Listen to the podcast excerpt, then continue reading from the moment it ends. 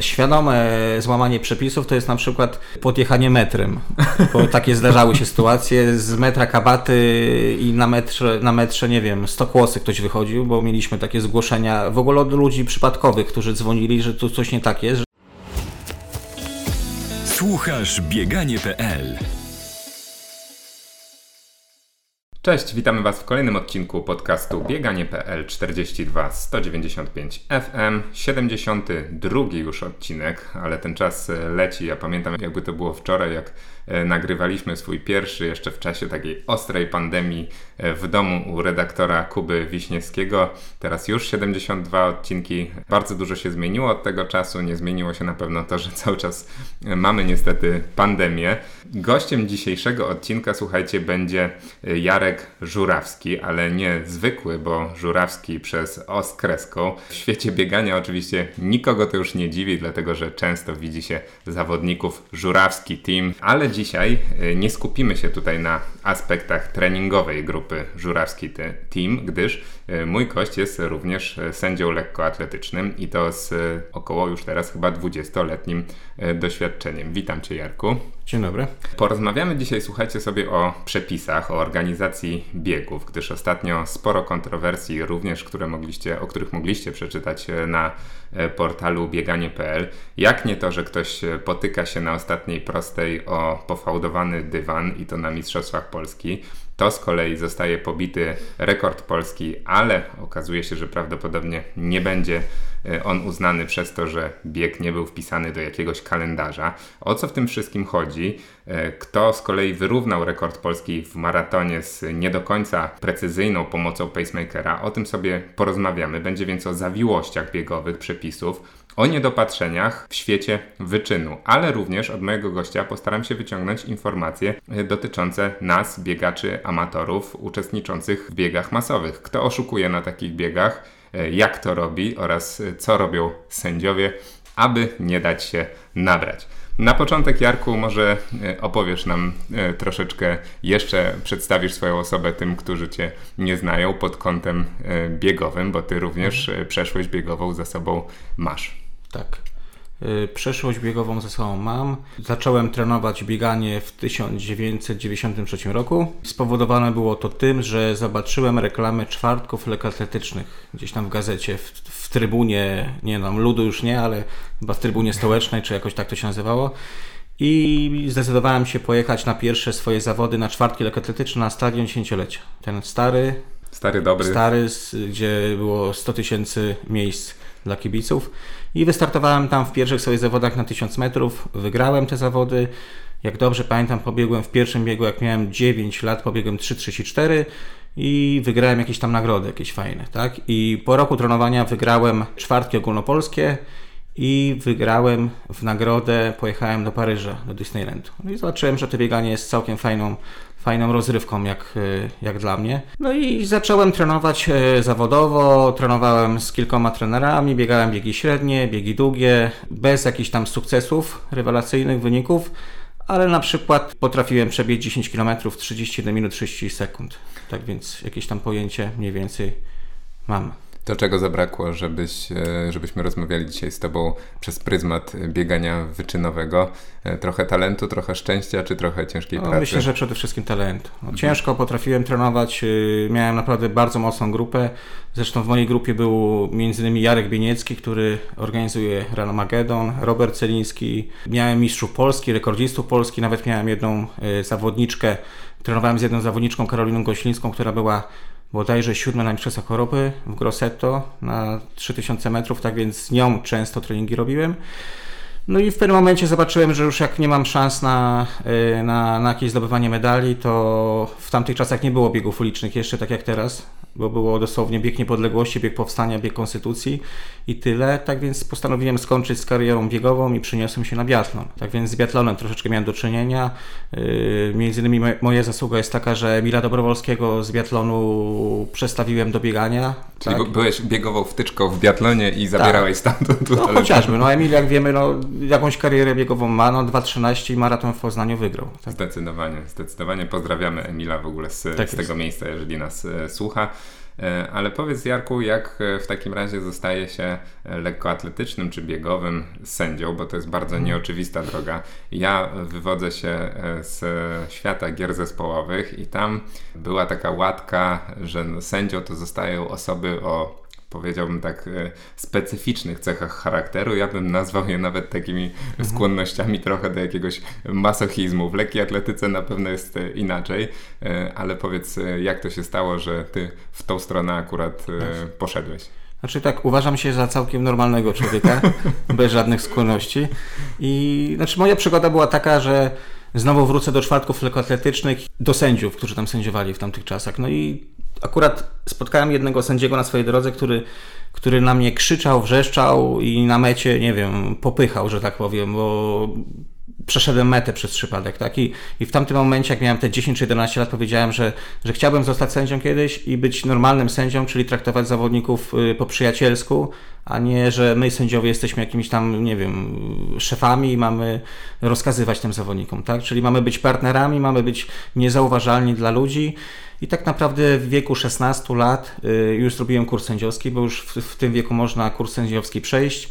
To i tak naprawdę od 17-18 roku życia zacząłem sędziować już, czyli jeszcze startowałem, ale również y, sędziowałem na zawodach lekkoatletycznych. Czy to jest e, wdzięczna praca? Poleciłbyś ją komuś, kto chciałby, tak jak ty na pewno, zostać na przykład y, po karierze blisko tego sportu, tego środowiska? Hmm. Jakie cechy w ogóle trzeba mieć, e, żeby zostać sędzią, no i ile można na tym zarobić? Tak. Znaczy przede wszystkim to nie jest praca, tak? bo jak ja zaczynałem sędziować, to zarabiałem za zawody, czyli 5-godzinne zawody, bodajże 20 zł. Mhm. Tak, tak, więc to, to starczało na, na przysłowiową kolę i cheeseburgera z McDonalda. Tak więc to nie jest praca, ja bardziej traktuję te sędziowanie jako przygodę, jako kontynuowanie mojej kariery może takiej sportowej, żeby bycie w tym sporcie cały czas. Tym bardziej, że, że dużo, dużo tych zawodników albo moich kolegów jeszcze trenuje mimo wszystko nie? i startuje w zawodach i, i to było moja przede wszystkim najważniejsza, najważniejszy temat, dlaczego chciałem w tym sędziowaniu być. No i spędzanie super czasu, czyli mówię, ja mam najważniejsze, co mnie jakby wkręci w tym sędziowaniu, to chociażby kontakt z najlepszymi zawodnikami bo przez kilka lat y, pełniłem funkcję sędziego głównego m.in. Memoriału Skolimowskiej na Stadionie Narodowym i miałem okazję pograć chociażby w piłkę z Usainem Boltem mhm. dzień przed zawodami. A w ogóle jak Usain gra w piłkę? Bardzo dobrze. No, tak jak y, często donosili, że, że, że po karierze biegacza miał pójść gdzieś tam, tak, grać i tego. Nie, całkiem, całkiem dobra taktyka, technika. Wystarczy mu rzucić długą piłkę, tak? Tak jest. No. I zawsze dogoni. Skrzydłowy najlepszym był. Tak. Tak jak nasz e, Marcin Lewandowski, nie przymierzając, tak e, też mówił, że na skrzydle nieźle się sprawdzał, jak piłki nie podawało mu się do nogi, tylko na dobieg. Mówisz, że jest to raczej twoje hobby, ale musi to być bardzo czasochłonne i pracochłonne hobby, no bo przyznam się, że ty jesteś oczywiście taką postacią wśród środowiska polskiego sędziów charyzmatyczną, tak bym to nazwał. Dużo cię widać, jest z tobą dobry kontakt. Ja jak przeglądam media społecznościowe co weekend, to co weekend widzę cię w jakiejś innej części Polski, gdzie, mhm. gdzie na jakichś zawodach jesteś, no to powiem szczerze, że jak na hobby, no to takie dosyć wymagające. Ile tego, tak. ile tego jest? Ile rocznie zawodów e, sędziujesz?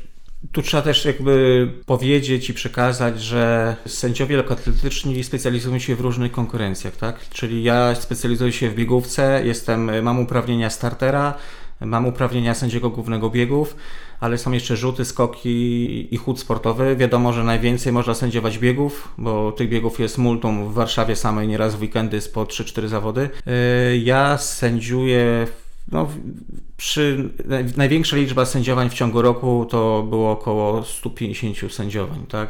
No może troszeczkę więcej, no 180 i w różnych miejscach, w różnych miejscach e, Polski, zazwyczaj to jest Warszawa i Mazowsze, bo ja jestem e, przewodniczącym Y, Wojewódzkiego Kolegium Sędziów, czyli jakby mam wpływ na obsadę i nadzoruję te zawody w większości, które odbywają się na naszym terenie, a również jestem wyznaczany na zawody w Polskę przez mhm. Y, PEZLA.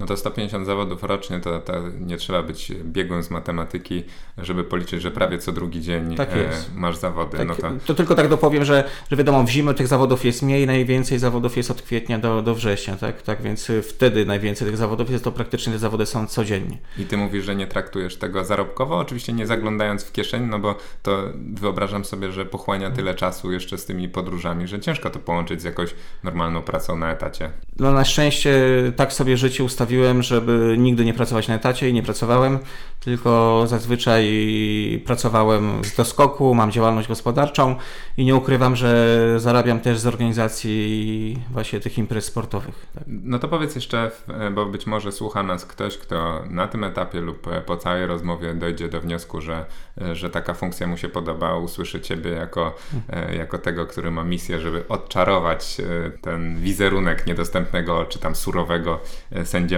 i również będzie chciał pójść w tą stronę. Jak to się robi for, formalnie? Jakie są w ogóle szczeble kariery Tak jak- sędziowskiej? Jak ja y, zacząłem sędziować, czyli przeszedłem kurs sędziowski, to trwał tam mniej więcej dwa miesiące. Chodziliśmy tam dwa, trzy razy w tygodniu po 2-3 godzinki na wykłady, na, na jakieś zajęcia praktyczne. Jak zaczynałem sędziować, y, w Warszawie było 100 sędziów, średnia wieku była dość duża.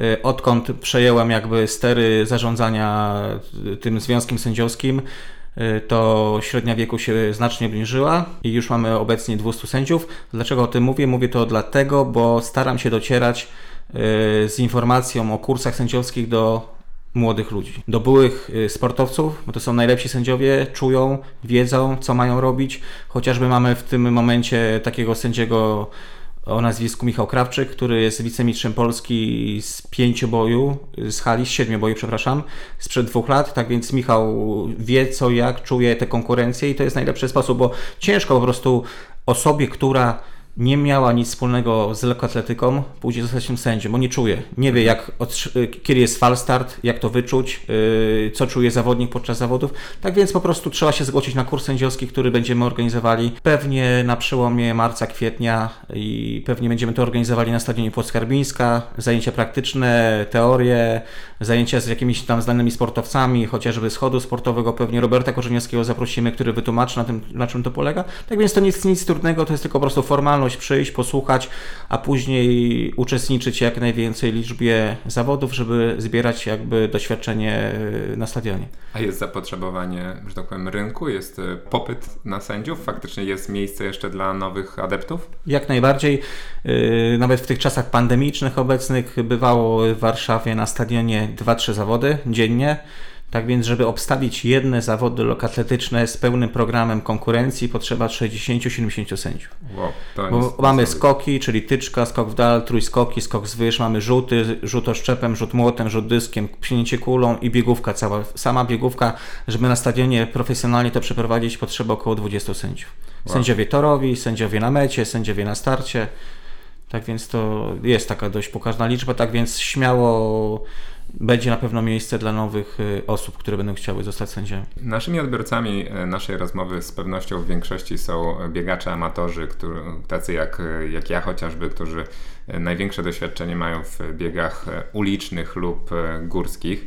E, My często nie, za, nie zauważamy w ogóle sędziów na tych zawodach. Oni, e, tak jak pewnie jest idea tego zawodu, są tłem tak naprawdę, ale nie zdajemy sobie też z drugiej strony sprawy, jak ważne to tło jest i jaka jest jego rola. Czy mógłbyś nam trochę przybliżyć to, za co tak naprawdę sędzia na zawodach takich masowych, na biegu ulicznym jest odpowiedzialny i co należy do jego obowiązków? Tak.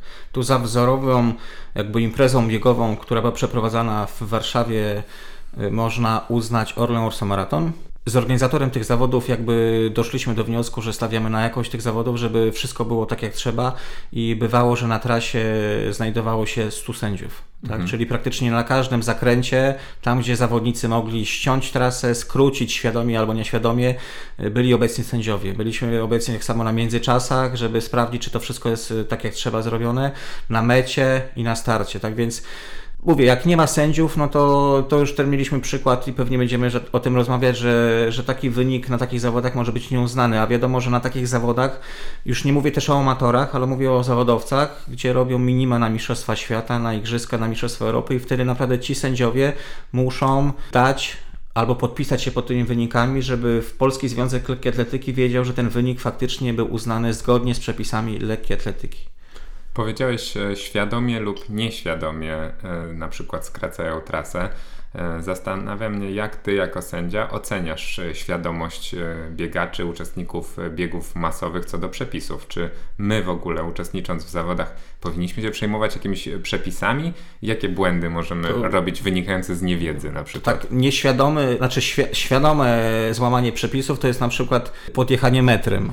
Bo takie zdarzały się sytuacje z metra kabaty i na metrze, na metrze nie wiem, 100 kłosy ktoś wychodził, bo mieliśmy takie zgłoszenia w ogóle od ludzi przypadkowych, którzy dzwonili, że tu coś nie tak jest, że, że pani z takim numerem i faktycznie później widzieliśmy, że ta pani była na 20 km, na 30 już jej nie było i dopiero była później na mecie, czyli odebrała swój medal i miała czas zmierzony i taką oczywiście osobę dyskwalifikujemy. Yy, no zawodnicy w większości... Czy przyjeżdża jakaś komisja do domu odebrać medal? No nie, no już wiadomo, że medalu nie odbierzemy, tak, ale to tylko świadczy o, o, o o tej osobie, która tak robi, no bo to, to mówię, no wszyscy my staramy się startować, no tak samo jak ja mówię, ja też biegam cały czas w zawodach i staram się od czasu do czasu wystartować, no biegamy dla siebie, tak, a nie żeby skrócić trasę i mieć wynik na NTUbie czy gdzieś tam, tak, że, że jakiś super wynik zrobiliśmy. No ale większości no, zawodników niestety nie zna tych przepisów i chociażby taki przepis o tym, że nie można biegać w słuchawkach na uszach, tak, z muzyką, bo to jest naprawdę, ten przepis jest po to, żeby chronić zawodnika przed niebezpieczeństwem, gdzie podczas zawodów mogą być różne rzeczy, tak, bo może jakiś samochód wjechać na trasę i, i będzie trąbił, bo, bo chce przyjechać, albo karetka szybko będzie jechała, tak taki zawodnik ma niestety na uszach e, słuchawki i nie usłyszy i może coś się przytrafić, tak? To, to mówię, to są takie jakby nieświadome łamanie przepisów, bo świadome to jest na przykład skracanie trasy, czyli jak zawodnik widzi, że, że jest otaśmowana trasa, specjalnie gdzieś tam skraca tą trasę, tak jak w Chinach, do, dobrze pamiętam, bo nie wiem, czy nawet na waszym, e, na waszym portalu nie było informacji, że gdzieś w Chinach y, zlokalizowali później tych ludzi, gdzieś tam z drona łapali po numerach i tam faktycznie kilkaset osób skróciło trasę i takie osoby były później przez Krajową Federację zdyskwalifikowane kwalifikowany na wiele lat, nawet jako amatorzy. Ja jeszcze e, dodam z, ze strony swojej tutaj taki apel odnośnie tych e, słuchawek, że to jest e, kwestia bezpieczeństwa naszego, ale również kwestia bezpieczeństwa innych uczestników, bo zwyczajnie możemy nie usłyszeć, kiedy ktoś będzie prosił nas o, o pomoc, bo na przykład słabiej się poczuje, także apel serdeczny do tego, żeby faktycznie w tych biegach masowych biegać bez słuchawek, co dodatkowo w tam, gdzie pojawiają się kibice, jeszcze zabiera nam taki, taki aspekt tej interakcji, a to jest fajne w tych biegach masowych, bo, bo w słuchawkach i przy muzyce możemy w zasadzie e, biegać sobie codziennie w, w lesie i, i, efekt jest e, I ten sam. Ja mam tylko jeszcze takie, taką rzecz e, i, i i wnioski, że jednak ta muzyka w czasie zawodów przeszkadza mimo wszystko. Znaczy pomaga w sensie, bo to jest jakby traktowane jako doping technologiczny w jakimś tam stopniu, ale jednak oszukuje nasz organizm, nie? Bo my jednak wtedy staramy się słuchać tej muzyki, a nie słuchujemy się w swój oddech, czy, czy w bicie serduszka, czy już jest y, ten moment, gdzie musimy zwolnić, czy przyspieszyć i jednak nieraz ta muzyka może jednak nas zgubić. A w przypadku elity ten przepis y, nie jest również wprowadzony po to, żeby ktoś tam y, nie podpowiadał? Jak... Ale oczywiście, jak najbardziej. To tak jak na Mistrzostwach Świata w kolarstwie też gdzieś tam w Tour de France można po radiu, radio słuchać, ale na Mistrzostwach Świata jest zabronione i tak samo w tym momencie również. Chodzi o to, żeby takie zawody odbywały, odbywały się żywiołowo, tak? a nie, żeby były sterowane gdzieś odgórnie od trenera, że ty masz przyspieszyć, ty masz zwolnić, bo zawodnik za tobą już nie ma siły. Tak? A to trener z boku oczywiście, że może zobaczyć, a zawodnik niekoniecznie widzi, bo się koncentruje na swoim biegu. Tak więc my staramy się i sprawdzamy zawsze elitę, czyli tych zawodników, którzy walczą o Mistrzostwa Polski, o wygranie maratonu, o wygranie biegu na 10 km. Zawsze takich zawodników pilnujemy i sprawdzamy na linii startu.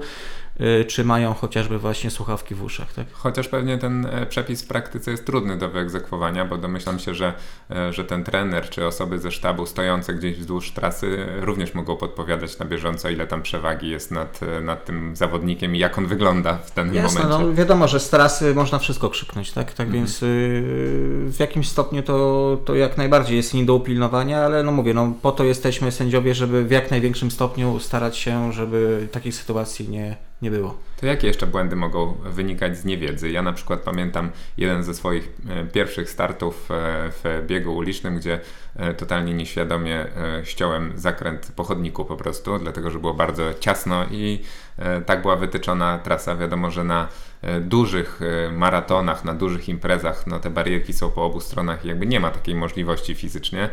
Tam, gdzie te biegi są jakieś mniejsze, lokalne, poprowadzone, często kręte osiedlowe, na przykład takie sytuacje się zdarzają. Ja pamiętam, że sam byłem tego nie do końca świadomy, bo nie miałem tutaj intencji oszukania nikogo, nawet bym powiedział, że to skakanie po krawężnikach to jest bardziej ryzykowne momentami niż, niż ten nadrobienie tego pół metra biegnąc przepisowo po asfalcie. To co jeszcze ludzie robią i co powinni wiedzieć e, tacy, którzy na przykład chcą pierwszy raz wystartować w zawodach? Chociażby przykład z numerem startowym. To też jest bardzo ważne, bo już na biegach ulicznych wiemy w większości przypadków e, są, jest pomiar elektroniczny, czyli na chipach.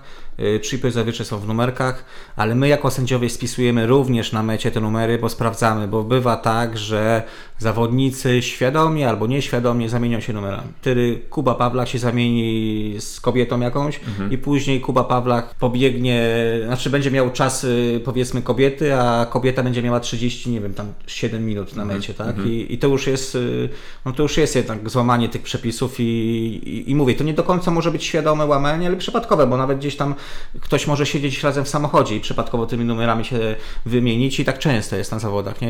Nawet pamiętam na biegu Ursynowa z kilka lat temu mieliśmy taką sytuację, że, że trzecia zawodniczka na mecie okazało się facetem, tak? mężczyzną. No i to mówię, to nie, nie musiało być y, jakby celowo działanie tych zawodników, tylko po prostu się zamienili przypadkowo i po to są sędziowie na mecie, że, że my zapisujemy na przykład numer 877K, tak, że to była kobieta na mecie, tak, żeby weryfikować to. to w każdym biegu praktycznie, w, y, tak było na biegu niepodległości, pamiętam dwa lata temu, że w pierwszej dziesiątce było bodajże sześć, y, sześciu zawodników z numerami kobiet. Hmm. Czyli już te kobiety by były później nagradzane do, do dekoracji brane pod uwagę, ale jakby tego nikt nie sprawdził. No. To właśnie po to ktoś musi być, żeby to racjonalnie sprawdzić, bo firma od pomiaru czasu tego nie zrobi. A czy wy na przykład e, analizujecie międzyczasy zawodników, e, tak, tych, którzy walczą o nagrody, bo rozumiem, że w biegu masowym no, e, ciężko by było zrobić to ze wszystkimi, ale, ale tych, którzy właśnie przybiegli w elicie i rywalizują o jakieś cele?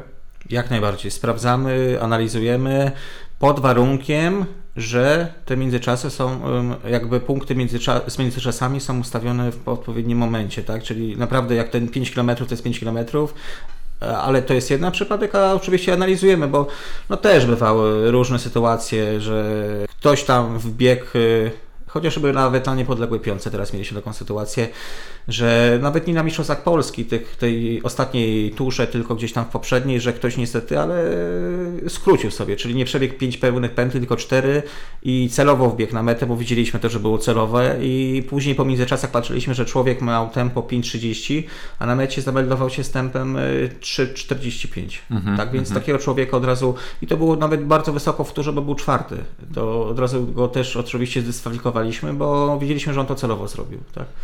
I jak wtedy e, zawodnicy reagują na taką dyskwalifikację? Czy częściej jest to e, efekt takiej e, dyskusji i wyparcia, że co tutaj ja się pomyliłem albo tego przecież nie zrobiłem? Czy częściej to jest na zasadzie posypania głowy popiołem, przeproszenia i odwrócenia się na pięcie? No to mówię, to, to w zależności czy ten zawodnik to celowo zrobił, czy nie celowo. Bo naprawdę ja, ja wierzę, że 99% zawodników popełnia błędy, jakieś takie przewinienia nieświadomie. Tak? Mhm. Nie chciało nic zrobić, tylko ze zmęczenia mogło się pomylić na przykład i przebiec tą jedną petę na stadionie za, za krótko i, i tyle. Tak więc no, zwyczajnie jakoś tam sytuacji takich złych nie mamy. Tak? No, zawodnicy przyjmują to z godnością i, i mówią, że, że, że więcej już takich rzeczy nie będą e, robić. Tak? A czy biegacze amatorzy często oszukują? Bo mm, tak zastanawiamy się, tak jak powiedziałeś, sam jako biegacz mówisz, że biegasz dla własnego wyczynu i jesteś na biegu e, sam dla siebie, tak jak każdy e, tutaj e, z nas i większość pewnie słuchaczy i tak naprawdę no, trudno powiedzieć jest po co mi to, to oszustwo jest, może po to, żeby właśnie zaszpanować gdzieś tam czasem na mediach tak. społecznościowych. Jak często to się zdarza w praktyce, że ktoś robi to celowo i co oprócz tego skracania trasy jeszcze przychodzi ludziom y, do głowy, może z takich bardziej Już. nietypowych rzeczy? Nietypowych rzeczy to na przykład to, że nie chcą kupować pakietu startowego i biegną z numerem z poprzedniego roku albo z numerem skserowanym mhm. kolegi, koleżanki. No taką tak. sytuację mieliśmy w Londynie. w Londynie oczywiście, tak? ale na przykład mamy takie sytuacje, że są y, te bariery wynikowe, żeby zakwalifikować się w danej kategorii na maraton, chociażby w Berlinie czy gdzieś indziej. No niestety też są takie sytuacje, że, że ktoś po prostu biegnie i podszywa się pod innego zawodnika na prośbę tego zawodnika, żeby ktoś lepszy uzyskał ten wynik i mógł wystartować później. No, to jest może nie, nie dużo takiej sytuacji, ale od czasu do czasu się zdarzają. A zdarzył Ci się kiedyś, pan kojarzysz w swojej karierze sędziowskiej lub, e, lub ogólnie taki e, wykwintny jakiś sposób oszustwa, że jak e, wyszło to na jaw, to aż złapałeś się za głowę, jak można było coś takiego wymyślić? Dużo takich sytuacji się naprawdę w mojej karierze zdarzyło. Tylko teraz tak już nie, z głowy nie powiem, może sobie przypomnę jeszcze, to, to coś tam opowiem, jak najbardziej z tym. Okej, okay, to, to jaka w takim tak. razie była może najtrudniejsza decyzja, którą musiałeś w swojej karierze sędziowskiej podjąć? Na przykład dyskwalifikacja chociażby na Mistrzostwach Polski. Byłem y, sędzią głównym biegów y, juniorów w Spale. No i bieg, zawodnik, już tam nie będę o nim nazwisku mówił, ale pewnie będzie wiedział, jak to usłyszy i miał naprawdę bardzo dużą przewagę na 2000 metrów juniorów i nawet karierę zrobił i młodzieżowców i, i w juniorach jeszcze medale zdobywał. No i bieg, bieg, bieg i nieświadomie, znaczy nie, no uważam, że to świadomie było. No, zaczął zabiegać drogę drugiemu zawodnikowi, który go zaczął gonić. Ale spokojnie jakby biegł po swoim torze, bo pierwszy by wygrał, a, a z pierwszego toru zbiegł na czwarty. I ten zawodnik, który chciał go wyprzedzić, też zaczął zbiegać, no ale nie miał jak y, wyprzedzić go na mecie, tak? Mhm. Tak więc my mieliśmy to nagrane na kamerze, bo zazwyczaj te wszystkie takie zawody wyższej rangi nagrywamy, żeby to odtwarzać później na kamerach i, i analizować, kto popełni jaki błąd. No i zawodnika musimy dyskwalifikować. No a mówię, jakby nie zabiegał drogi, by spokojnie dobiegł i by pewnie wygrał, tak? A do, no i, a do którego toru można zabiec drogę? Bo... Nie można, no trzeba finiszować, trzeba po prostu po, po swoim torze, tak? Po swoim kierunku biegu nie zbiegać, no bo to jest, y, staramy się finiszować jak najkrótszą drogą, tak? No to, to już jak widzimy zawodnika, który z pierwszego toru zbiega na czwarty, no to coś nie tak jest, nie? Mhm. To, to nie biegnie przecież... Ale na drugi to się zdarza dosyć często, przyznam. Tak, ale to mówię po prostu tak świadomie, żeby on nie zbiegał z pierwszego na czwarty, po prostu bieg cały czas swoim y, kierunkiem y, jazdy, że tak powiem, biegu, a kolejną dyskwalifikacją to była dyskwalifikacja Marcina Lewandowskiego. No niestety teraz się przepisy już trochę zmieniły, będą się zmieniać od, y, od tego roku, od przyszłego, czyli na przykład nadepnięcie na linii albo nadepnięcie w środek krawężnika, w środek bieżni na hali chociażby. No i mieliśmy taką sytuację z Marcinem w Sopocie, na Mistrzostwach Świata Halowych w 2014 roku, gdzie Marcin zdobył medal na 800 metrów, a niestety po biegu y, Brytyjczycy, jak dobrze pamiętam, złożyli protest i komisja odwoławcza zdyskwalifikowała Marcina. Mhm. Chociaż ja uważam, że on nic nie nadrobił w tym przypadku, tylko po prostu postawił, on stracił jeszcze na tym, bo on postawił nogę w środek bieżni, w środek jakby wewnątrz bieżni i stracił na tym. To była taka sama sytuacja jak z Ingebrigtsenem yy, u nas w Toruniu w tym roku, gdzie ja jako sędzia, jakbym był obecny na tych zawodach, ja bym podjął Y, podjął decyzję, o dyskwalifikacji mhm. Norwega, no bo on ewidentnie tam y, wszedł w środek bieżni dwoma krokami i tyle. No ale komisja to, to znaczy to, ciekawy w ogóle ciekawy przypadek, bo tam sędziowie podjęli decyzję o dyskwalifikacji, a komisja odwoławcza, która niekoniecznie może się składać z sędziów, tylko to może być jakiś działacz, trener i ktoś inny, podjęła decyzję, żeby Ingebrigtsena przewrócić na, na miejsce. Tak? No taki był wydźwięk, pamiętam, po tej, po tej decyzji, no bo wiadomo było, że Jakob Ingebrigtsen no, był jednym z faworytów nie tylko na tym dystansie, ale również e, na tak 3000 metrów. E, no i wielu kibiców e, właśnie dla niego obserwowało też między tak innymi te zawody i tutaj chyba ten aspekt pozasportowy tak. mógł jakoś tam e, przyćmić decyzję komisji. Oczywiście. I dlatego mówię, że teraz właśnie JAW, czyli Światowa Organizacja Lekkiej Atletyki, wprowadza nowe przepisy, że już takie e, pojedyncze przekraczania linii jak sędzia zdecyduje, że to nie miało jakiś wpływ na bieg, to nie będą karane dyskwalifikacją. Ale mówię, przez tyle lat już tylu zawodników zostało dyskwalifikowanych przez takie, takie czynności, że trochę szkoda tych zawodników. Tak?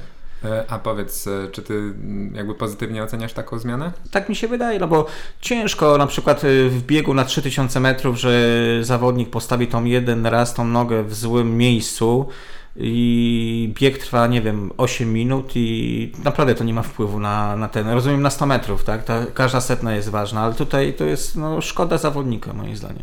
A czy są jeszcze takie przepisy, które tobie na przykład jako, e, jako sędziemu wydają się być nie zawsze do końca e, z duchem sportu lub po prostu ich interpretacja jest na tyle e, trudna, że też chciałbyś, żeby w jakiejś bliższej czy dalszej przeszłości się zmieniły? No dużo jest takiej sytuacji, no chociażby te, te dyskwalifikacje za falstarty, to też jest takie coś, już tu nie chodzi o bieg uliczny, bo wiadomo, że tu rzadko się zdarzają, mam te 100, 200, 300, 400 metrów, gdzie, no mówię, no może być e, tak jak Usain Bolt zresztą, tak samo był zdyskwalifikowany kilkanaście lat temu i był murowanym faworytem, zrobił falstart i niestety za falstart e, odpada, tak? Wiadomo, że kiedyś były dopuszczalne dwa falstarty, ale na właśnie na rzecz transmisji telewizyjnych, bo nieraz było tak, że po 5-6 fal startów biegu było i to zamiast ten start trwał y, minutę czy dwie, to trwał 15 minut, no to wprowadzili właśnie y, działacze JAF-u, żeby był tylko jeden falstart dopuszczalny w biegu, a teraz już w ogóle nie jest dopuszczalny, tak? Tak więc szkoda trochę tych zawodników. Są takie teraz prowadzane jakieś badania, że może nie będzie falstartu, tylko na przykład będziemy dodawać albo odejmować y, ten czas który zawodnik stracił albo uzyskał na starcie, tak? Mhm. Że to da się jakoś tam wyłapać badaniami i na przykład bieg na 100 metrów jest i wtedy faktycznie nie ma tego falstartu, ale widzimy, że zawodnik jeden wybiegł tam, nie wiem, 500 szybciej, no to odejmujemy mu ten czas albo dodajemy mu na mecie, tak? Ale to zobaczymy, czy to, czy to czy to takie coś y, w tym kierunku pójdzie jakby. No brzmi to bardzo sprawiedliwie, chociaż na pewno trochę byłoby głosów takich, że wypacza emocje, no bo wbiega pierwszy, pierwszy przecina kreskę, a ostatecznie jest na przykład drugi.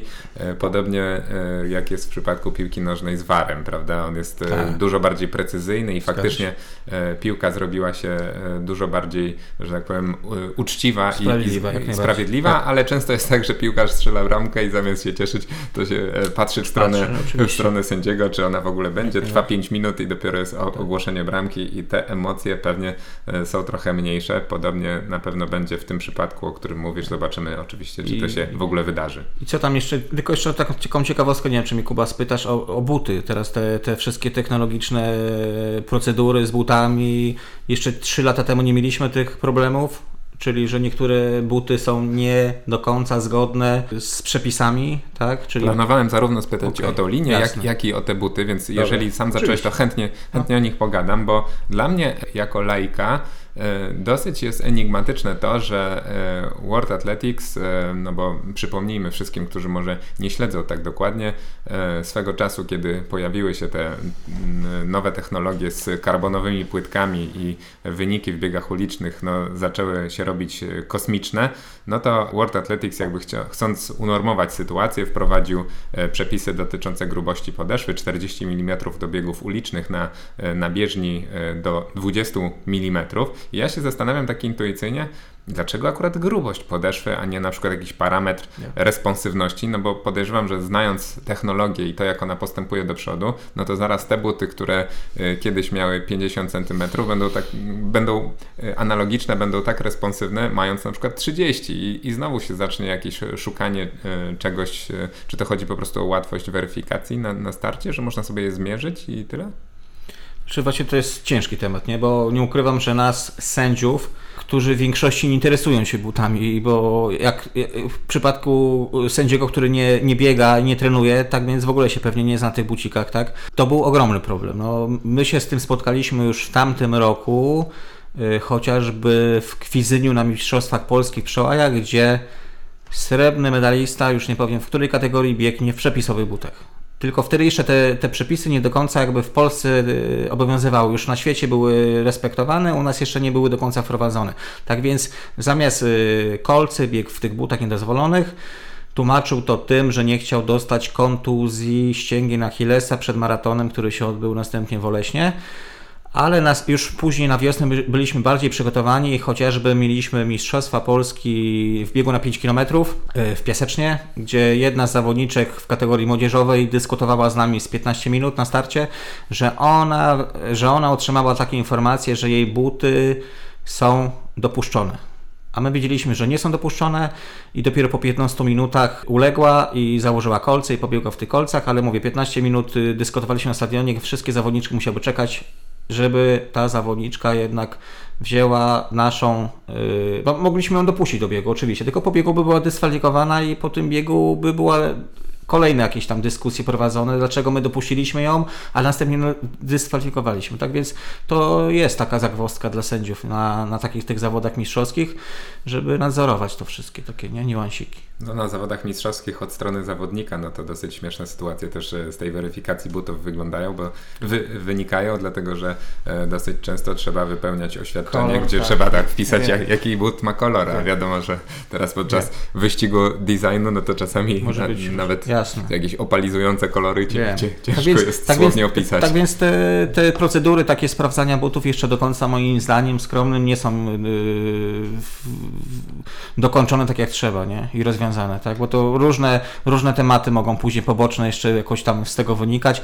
My w tym jakby po biegu jeszcze po zawodach yy, w Polsce jeszcze nie było dyskwalifikacji za, za nieprzepisowe buty, ale jak dobrze pamiętam w Wiedniu była dyskwalifikacja zwycięzcy maratonu Etiopczyka, który biegł w prototypowych butach firmy jakiejś tam sportowej i miał 50 mm.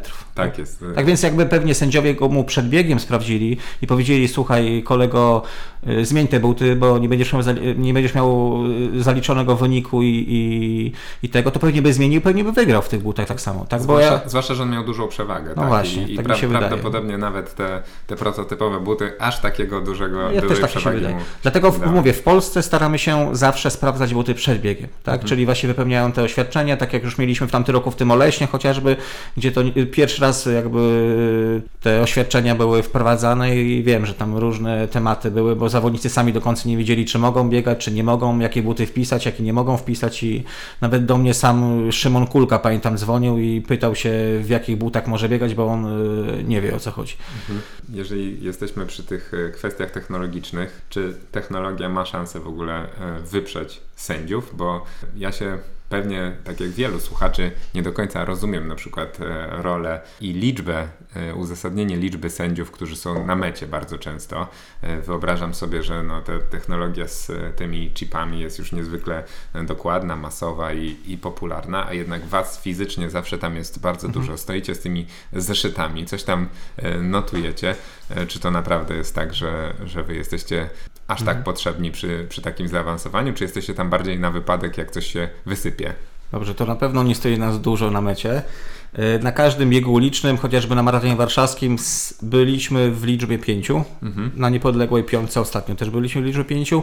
My mamy na celu takim, żeby zweryfikować minimum te pierwsze czy 100 czy 200 osób, gdzie faktycznie w tej liczbie może mogą dobiec wszyscy zawodnicy y, w kategoriach nagradzanych.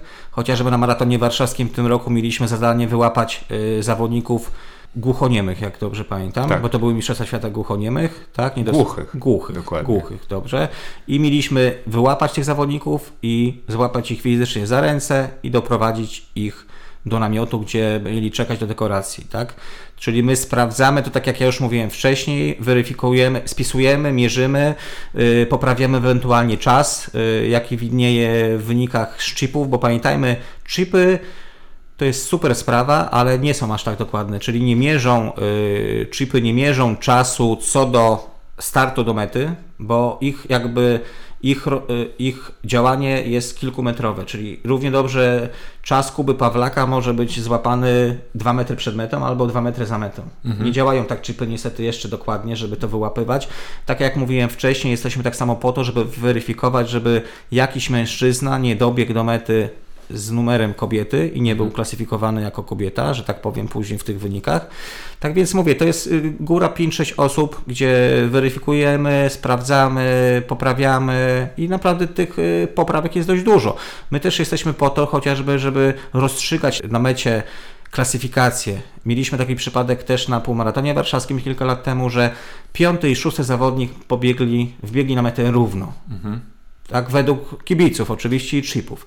Ale po to jest sędzia, jeden chociażby oddelegowany, który stoi z boku mety i ma patrzeć, co dokładnie, czy to było 5 cm różnicy, da się to wyłapać. Tak jak na bieżni wyłapujemy y, biegi na 100 metrów, tak samo tutaj, bo tu jednak jest kwestia tego, czy będzie piąty, szósty, to jednak jest różnica chociażby w kwestii nagród finansowych. A co się, co się wtedy liczy? Co jest tym punktem? Pierwszy punkt? Korpus, korpus, tak? Korpus. Czyli nie, nie, nie buty, tak jak w łyżwach chociażby, gdzie, gdzie płoza jest, tylko korpus, czyli nie głowa, nie rękę. Tak często Adam Kszczot y, biega, że wbiega na metę i podnosi rękę do przodu, ale czas na pewno nie będzie miał lepszy dzięki temu, bo po prostu mierzymy y, mu czas poprzez y, korpus, tak? Zaznacza. No, aż dziwne, że Adam o tym nie wie. Może, znaczy może... się wydaje, że wie, ale może mu zostało tak z dzieciństwa, no, że może tak biegał jak fotokomórka była i nie było fotofiniszu, jeszcze kamer, tylko na przykład było w inny sposób mierzone czasy. Okej, okay, ja jeszcze tylko e, sprostuję z tymi głuchymi, bo pamiętam, że będąc na konferencji poprzedzającej Maraton Warszawski, sam się zdziwiłem trochę, że, że mówi się, że mistrzostwa głuchych, a nie na przykład niesłyszących, czy jakoś tak bardziej parlamentarnie, ale okazuje się, że to jest właśnie poprawna nomenklatura i osoby głuche, osoby y, niesłyszące na przykład y, to jest różnica spowodowana tym, kto, kto nie słyszy po prostu od dzieciństwa i, i z jakich powodów. Nie będę te, w to wnikał, natomiast chciałem tylko uprzedzić tylko, wszystkich, ja... którzy mogli się teraz zbulwersować, że, że ja. faktycznie to były mistrzostwa Kuch. głuchych. To ja tylko jeszcze dopowiem, że chociażby sędzia jeszcze był potrzebny na starcie tych zawodów, dla głuchych, żeby im pokazać, kiedy jest dokładnie start. Czyli mhm. mieliśmy jakąś tam chorągiewkę swoją, żeby im maknąć, ustaliliśmy, żeby styry startowali, bo wiadomo, że no, wystrzału startera nie, nie usłyszą tak, mhm. zawodnicy. Tak więc po prostu w takim, w takim tam byliśmy tak samo celu, żeby, żeby poinformować jakimś tam znakiem y, tych zawodników, żeby już mogą wystartować, żeby nie było fal startu chociażby, żeby później nie byli dyskwalifikowani w maratonie za fal start. Mhm. Jarku, mamy prawie 40 minut rozmowy za sobą, a ja bym chciał wreszcie pójść do takiego, e, dojść do takiego wyczynowego tutaj mhm. mięska i kwestii takich, e, dla których e, między innymi tutaj Cię zaprosiłem, bo jesteś jedyną osobą, która może wyjaśnić nam zawiłości tych, tych wszystkich spraw, bo ostatnio, tak jak wspomniałem, dosyć dużo w kwestii tych przepisów informacji przebijało się również na naszym portalu podczas opisów zawodów, czy rekordowych wyników, czy E, Mistrzostw Polski. E, pierwszym takim przykładem, który chciałem z Tobą poruszyć, e, trzymając się chronologii, będzie ten przypadek Moniki Jackiewicz, która podczas ostatnich Mistrzostw Polski odbywających się w Poznaniu, no potknęła się w zasadzie na ostatniej prostej o dywan. Tam był trochę spór taki pomiędzy organizatorem a zawodniczką, a kibicami dotyczący przyczyn tego upadku. Jedni mówili, że to buty, drudzy mówili, że dywan. No ale faktycznie te zdjęcia, które oddawały to, jak ten dywan na mecie wyglądał, no to on bardziej e, przypominał pofalowane morze niż, e, niż jakiś, e, jakąś płaską e, ścieżkę i podejrzewam, że dużo racji po stronie zawodniczki. E, rozumiem, że sędziowie, e, nie ma tu niedopatrzeń ze strony sędziów, to sędzia nie odpowiada za, za tego typu rzeczy. Organizator tych zawodów chciał za dobrze potraktować zawodników i przyjąć ich na metę gościnnie właśnie na dywaniku. Y, co niekoniecznie pewnie pomyślał, czym to może się skończyć, bo mówię, no przy pięciu zawodach pewnie się nic nie stało, a teraz się stało i szkoda, że to w walce o tytuł mistrzyni Polski w biegu na 10 km. Wiadomo, że każdy miał te same warunki, no bo każdy wbiegał na metę po tym dywanie, tak? No akurat Monice przytrafiło się to, że się przewróciła, pewnie to też miał do czynienia i zmęczenie i wszystko. No ja uważam, że że powinien, że ten dywan tam nie powinien leżeć. No. I wiadomo, że mądryż Polak po szkodzie, pewnie w przyszłym roku już tego dywanu nie będzie, ale nie wiem, czy delegat techniczny, może sędziowie, może organizator po prostu powinien się przejść po tym, po tym dywaniku i zobaczyć, czy faktycznie nie ma jakichś wypukleń, przebiec się, czy nie jest ślisko i, i powinni może ten dywan y, zdjąć. No. Tylko to powinno się robić na spokojnie, pewnie już dzień wcześniej przygotować, sprawdzić się, a, a nie pewnie w czasie zawodów, gdy już wszyscy jakby są zajęci swoimi obowiązkami. Bo wiesz co, łatwo sobie wyobrazić takie niedopatrzenie gdzieś tam na trasie zawiłej długiego biegu ulicznego, maratonu, dyszki, no bo trudno każdy centymetr tej trasy mieć dokładnie przepatrzony, no ale już gdzie jak gdzie, ale na mecie, gdzie stoi e, najwięcej osób, taki błąd e, to, to jest dosyć, no. dosyć zaskakujące. E, czy przepisy w jakikolwiek sposób regulują takie kwestie? Jaka powinna być nawierzchnia? No bo przecież e, to są biegi uliczne, więc teoretycznie to tak. powinien być asfalt. Pamiętam, że kiedyś uczestniczyłem e, z panem Dariuszem Dziekońskim w atestowaniu trasy. Tadeuszem. Tadeuszem, przepraszam, Dziekońskim. No. I w momencie, kiedy był nieutwardzony fragmencik, no to już trasa nie mogła mieć atestu z uwagi na to, że, że nie spełniała tych wymogów biegu ulicznego. To jak rozłożymy na asfalcie dywan, to, to, to, to nic nie zmienia?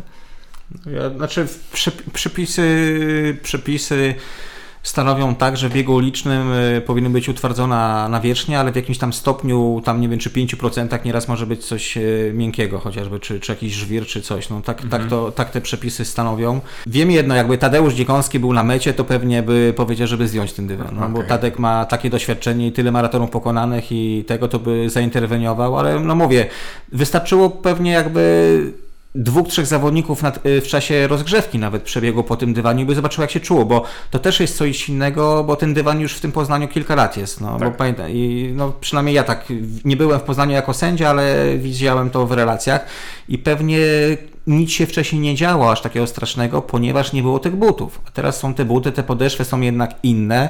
Yy, Na wysokim, to pewnie tak się biega, podejrzewam, ja nie mam akurat yy, tych wszystkich butów yy, z nowej generacji, ale, ale pewnie to się tak biega jak troszeczkę w pantoflach, nie? Na obcasach chociażby, czy, czy coś, tak więc podejrzewam, że, że Monika naprawdę miała ciężko na końcowych metrach, tak więc to, to jest proceder, który pewnie Polski Związek powinien przeanalizować lekkoatletyki i może zakazać takiego jakby takiego czegoś tam mecie, tak, że rozkładanie dywaników. Wiem, że to miało być ładnie wizualnie, że ładnie na zdjęciach i w kamerze, no ale jak widać, yy, albo inaczej, nie jak widać, tylko moim zdaniem powinniśmy tak układać trasę, żeby było jak najbezpieczniej dla zawodników, tak? a nie dla widzów, czy dla kibiców, czy dla fotoreporterów. No dobra, to e, przejdźmy do e, drugiej sprawy, również e, z ostatnich tygodni.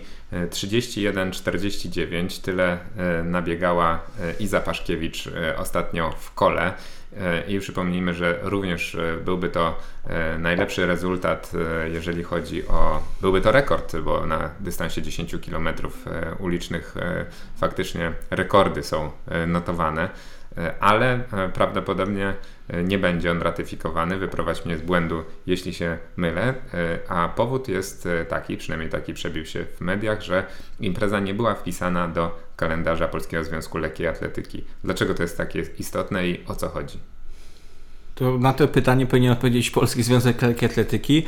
No, Polski Związek Atletyki jakby nadzoruje te wszystkie biegi uliczne, ratyfikuje rekordy. Jest y, specjalna komisja techniczno-sportowa, komisja rekordów, gdzie analizują y, wszystkie później te niuanse, takie zawiłości, czy faktycznie trasa przebiegała po atestowanej trasie, tak jak pan Dziekoński chociażby, bo tam pan Dziekoński wyznaczał tą trasę, testował, znaczy się, czy sędziowie byli obecni na trasie, czy mogą potwierdzić, że faktycznie zawodnicy biegli tak jak trzeba, nie skracali, nie mieli dozwolonej pomocy, chociażby nikt nie podawał im bidonu podczas biegania, albo nikt nie prowadzi im rowerem gdzieś tam, tak, czy, czy w taki sposób.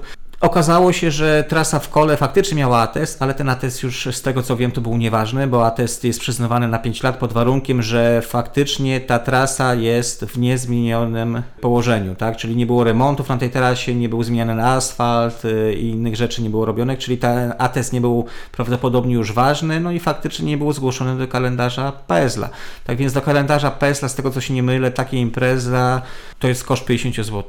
Tak więc to, to jest podobna sytuacja jak do rekordu Polski albo do wyniku, który uzyskała Karolina Nadolska kilka lat temu w Poznaniu, gdzie też powinna, znaczy by miała rekord polski uznany pod warunkiem, jakby proceduralne wszystkie tematy były związane. Niestety ani tam nie było sędziów, ani bodajże nie był zgłoszony ten bieg do, do kalendarza PESLA. No i z takich jakby, znaczy, czyli inaczej, nikt nie potrafił y, potwierdzić, czy na przykład ten bieg w Poznaniu był przeprowadzony zgodnie z atestowaną trasą.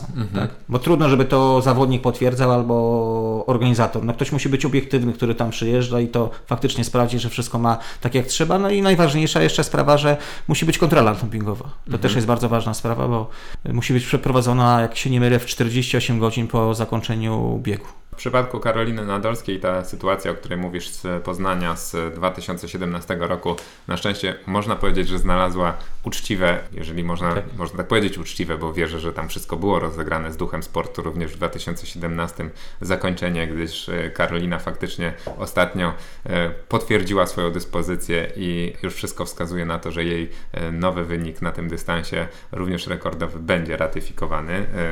Miejmy nadzieję, że, że tak właśnie się ta historia skończy. No, jeżeli chodzi o Izę Paszkiewicz w kole, no to rozumiem, że zawodnik, który wie, że jest w dyspozycji takiej, że e, może nabiegać e, taki fajny wynik, z którego też na pewno jakieś profity dla niego, czy pośrednie, czy bezpośrednie wynikają, powinien po prostu sprawdzać takie rzeczy, gdzie startuje, tak? Jak najbardziej. No podejrzewam, że w dniu koła biegu w kole pewnie jeszcze się odbyły jedna czy dwie imprezy na, test, na testowanej trasy, na trasie i może były nawet zgłoszenia do kalendarza Pezla i byli sędziowie i pewnie by Iza w każdym innym miejscu ten rekord też poprawiła. Tak. E, Jarku, chciałbym, żebyś jeszcze nam e, rozłożył na czynniki pierwsze tak naprawdę najtrudniejszą sprawę, którą mamy do Mhm. omówienia. Kwestię, no tak naprawdę wyrównanego rekordu Polski Oli Lisowskiej z Dębna, dlatego że tam, tak jak wiemy, również sytuacja była bardzo niejasna i o tyle skomplikowana, że trudno doszukiwać się e, czyjejś winy. Mistrzostwa Polski w maratonie były, odbywały się na pętli. Jeden z pacemakerów po prostu tam powiedzmy zatrzymał się w trakcie biegu, zwolnił z, z różnych przyczyn i dołączył się do, do grupy, która już w tym czasie e, zatoczyła koło. E, To, czy on pomógł, czy nie pomógł fizycznie, no to na pewno jest kwestia bardzo dyskusyjna. Na pewno trudno doszukiwać się winy e, zawodników e, czy zawodniczki konkretnej, która no, trudno sobie wyobrazić, żeby biegnąc tym tempem i, i z takim wysiłkiem jeszcze kogoś tam przeganiała sobie, sobie z drogi, czy w ogóle zakonotowała to, że taka sytuacja miała miejsce. Jak na to jakby zapatrują się e, w ogóle przepisy, no bo podejrzewam, że to nie jest częsta sytuacja z uwagi na to, że największe maratony, w których takie wyniki na świecie padają, po prostu nie odbywają się na pętli. Y, Przede wszystkim y, chciałbym poinformować, że to nie był pacemaker oficjalny, bo na Mistrzostwach Polski w Demnie nie było pacemakerów. To był zawodnik, który biegł tempem zawodniczek, który chciał też uzyskać pewnie te 2,26 czy ileś. Tak więc to nie był oficjalnie zakontraktowany przez organizatora pacemaker. Normalnie miał zawodnik numer, był dopuszczony do udziału w Mistrzostwach Polski mężczyzn. No dziewczyny tam biegły w takiej grupie, no bo to nie Tak, tylko no chodziło tam na było- tym etapie o Olę oczywiście. Lisowską, ale, Tak, ale, tam było- ale i Angelikę Mach, czy, czy e, czy Izę Paszkiewicz to i- one miały taką obstawę, że przez pierwsze tamte trzy Jak koła to trudno było się zorientować, kto tam w ogóle biegnie. Jak najbardziej. To tak jak powiedziałeś, Kuba, no to były specyficzne mistrzostwa, ponieważ tych, tych pętli, rozgrywanych maratonów na pętli już dawno nie było, bo zazwyczaj Mistrzostwa Polski odbywały się albo w Warszawie, albo w Demnie na pętlach, y, albo jednej dużej, albo tam jakichś większych pętlach, tak? Tu nikt nie pomyślał, y, że może takie coś się zdarzyć, że jakiś zawodnik pewnie nieświadomie moim zdaniem, no nie miał na celu, bo i tak nie dobiegł do mety, no ostatecznie wiem, że, że skończył ten, ten zawodnik na 400 km swój bieg. Rozmawiałem z nim po biegu, on mówił, że po prostu w ogóle nie pomyślał, że takie coś się może wydarzyć. Jakby w przepisach, yy, przepisach rozgrywania zawodów lekkoatletycznych nie ma takiej, takiego informacji, co by mogło się stać, bo tak jak powiedziałeś, no zawodniczki były Bogu ducha winne, bo po prostu no biegły, no zawodnik przy nich biegł, no to co mogły zwolnić, przyspieszyć? Nie, no po prostu biegł ich tempem, tak więc yy, do zawodniczek nie ma, nie można mieć w ogóle żadnych pretensji. No tylko po prostu tamten zawodnik, znaczy tamtego zawodnika i tak on miał DNF wpisane, tak? Bo mówię, on nie, nie dokończył. No. To tylko jest jakby nauczka na przyszłość, żeby takie tematy przewidzieć i przewidywać i po prostu tam przy tych y, dziewczynach, przy tej grupie powinien jechać sędzia samochodem gdzieś tam z boku czy z przodu, żeby nie przeszkadzać i widzieć takie informacje. Ja akurat przyznam się, że ja byłem na tych zawodach, byłem sędzią głównym trasy, tylko moja rola polegała na tym, że jechałem przy zawodnikach yy, Męskich. męskich. Tak, i nikogo nie było, po prostu było za mała ilość sędziów, yy, bo organizator zażyczył sobie tylko ilość tam sędziów, nie, nie, nie było za dużo sędziów i po prostu każdy sędzia już, który by miał, był obecny na zawodach tych, pełni jakąś ważną funkcję, chociażby na przykład pilnował punkty, punktów odżywczych i nawadniania, żeby według procedury tam wszystko się odbywało. Tak więc to jest tylko nauczka na przyszłość, no, że, że my jako sędziowie powinniśmy po prostu przemyśleć to, jak to zrobić, żeby takiej sytuacji się więcej nie zdarzyło.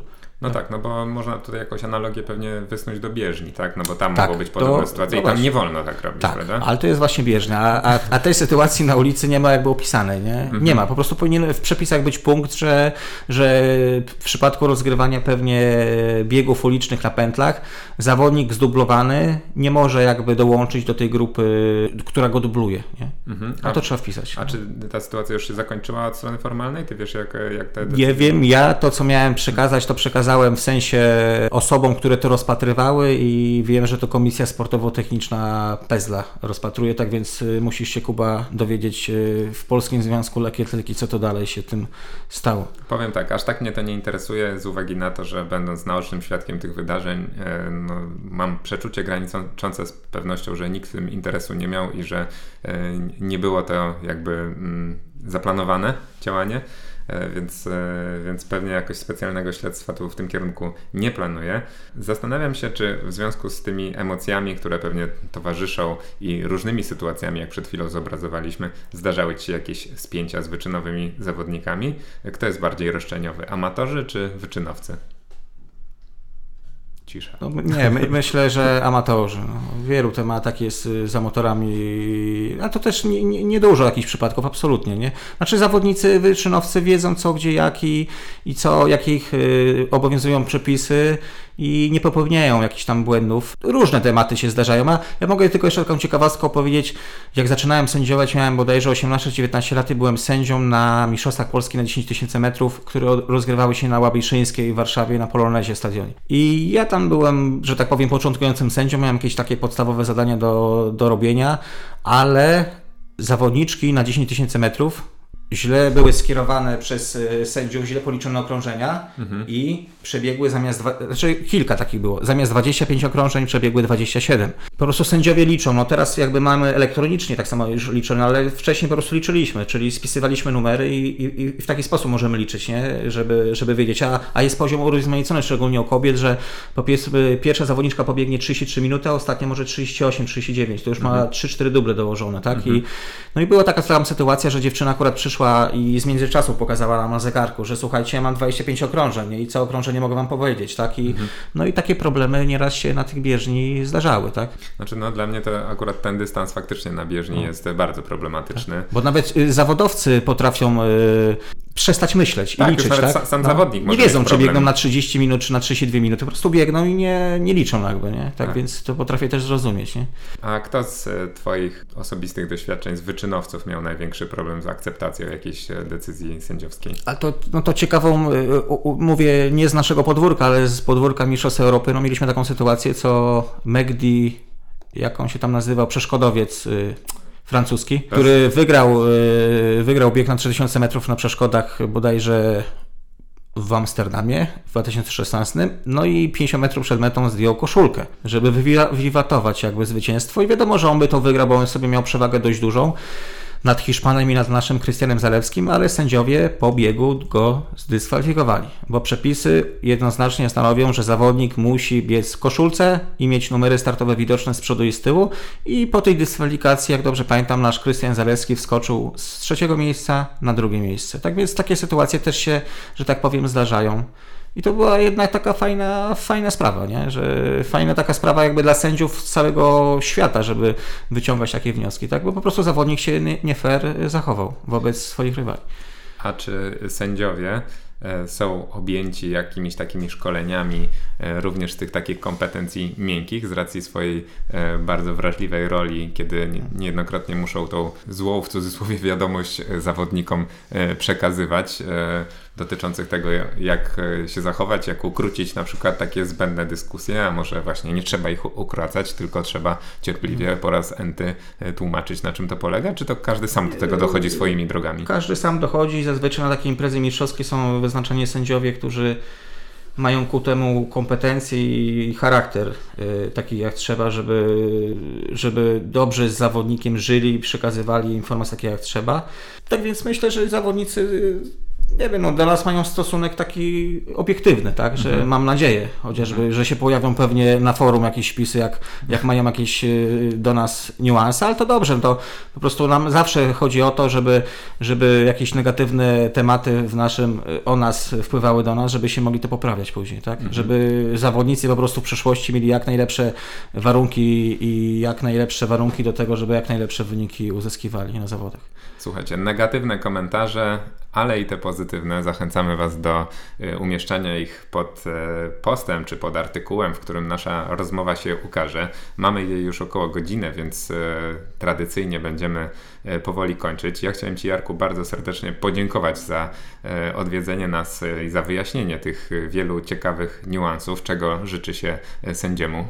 Ja również dziękuję za zaproszenie, bo nie ukrywam, że bieganie.pl w moim życiu jest od zawsze i zarówno poprzednich redaktorów kojarzyłem i Kubę Wiśniewskiego i Ciebie, Kuba Pawlak. Nie no, nam trzeba życzyć, żebyśmy byli jak najbardziej, jak najmniej widoczni na zawodach, tak? Żeby zawodnicy, a nie kibice nas nie widzieli, to wtedy jest znak, że zawody przebiegają zgodnie z przepisami. Tak?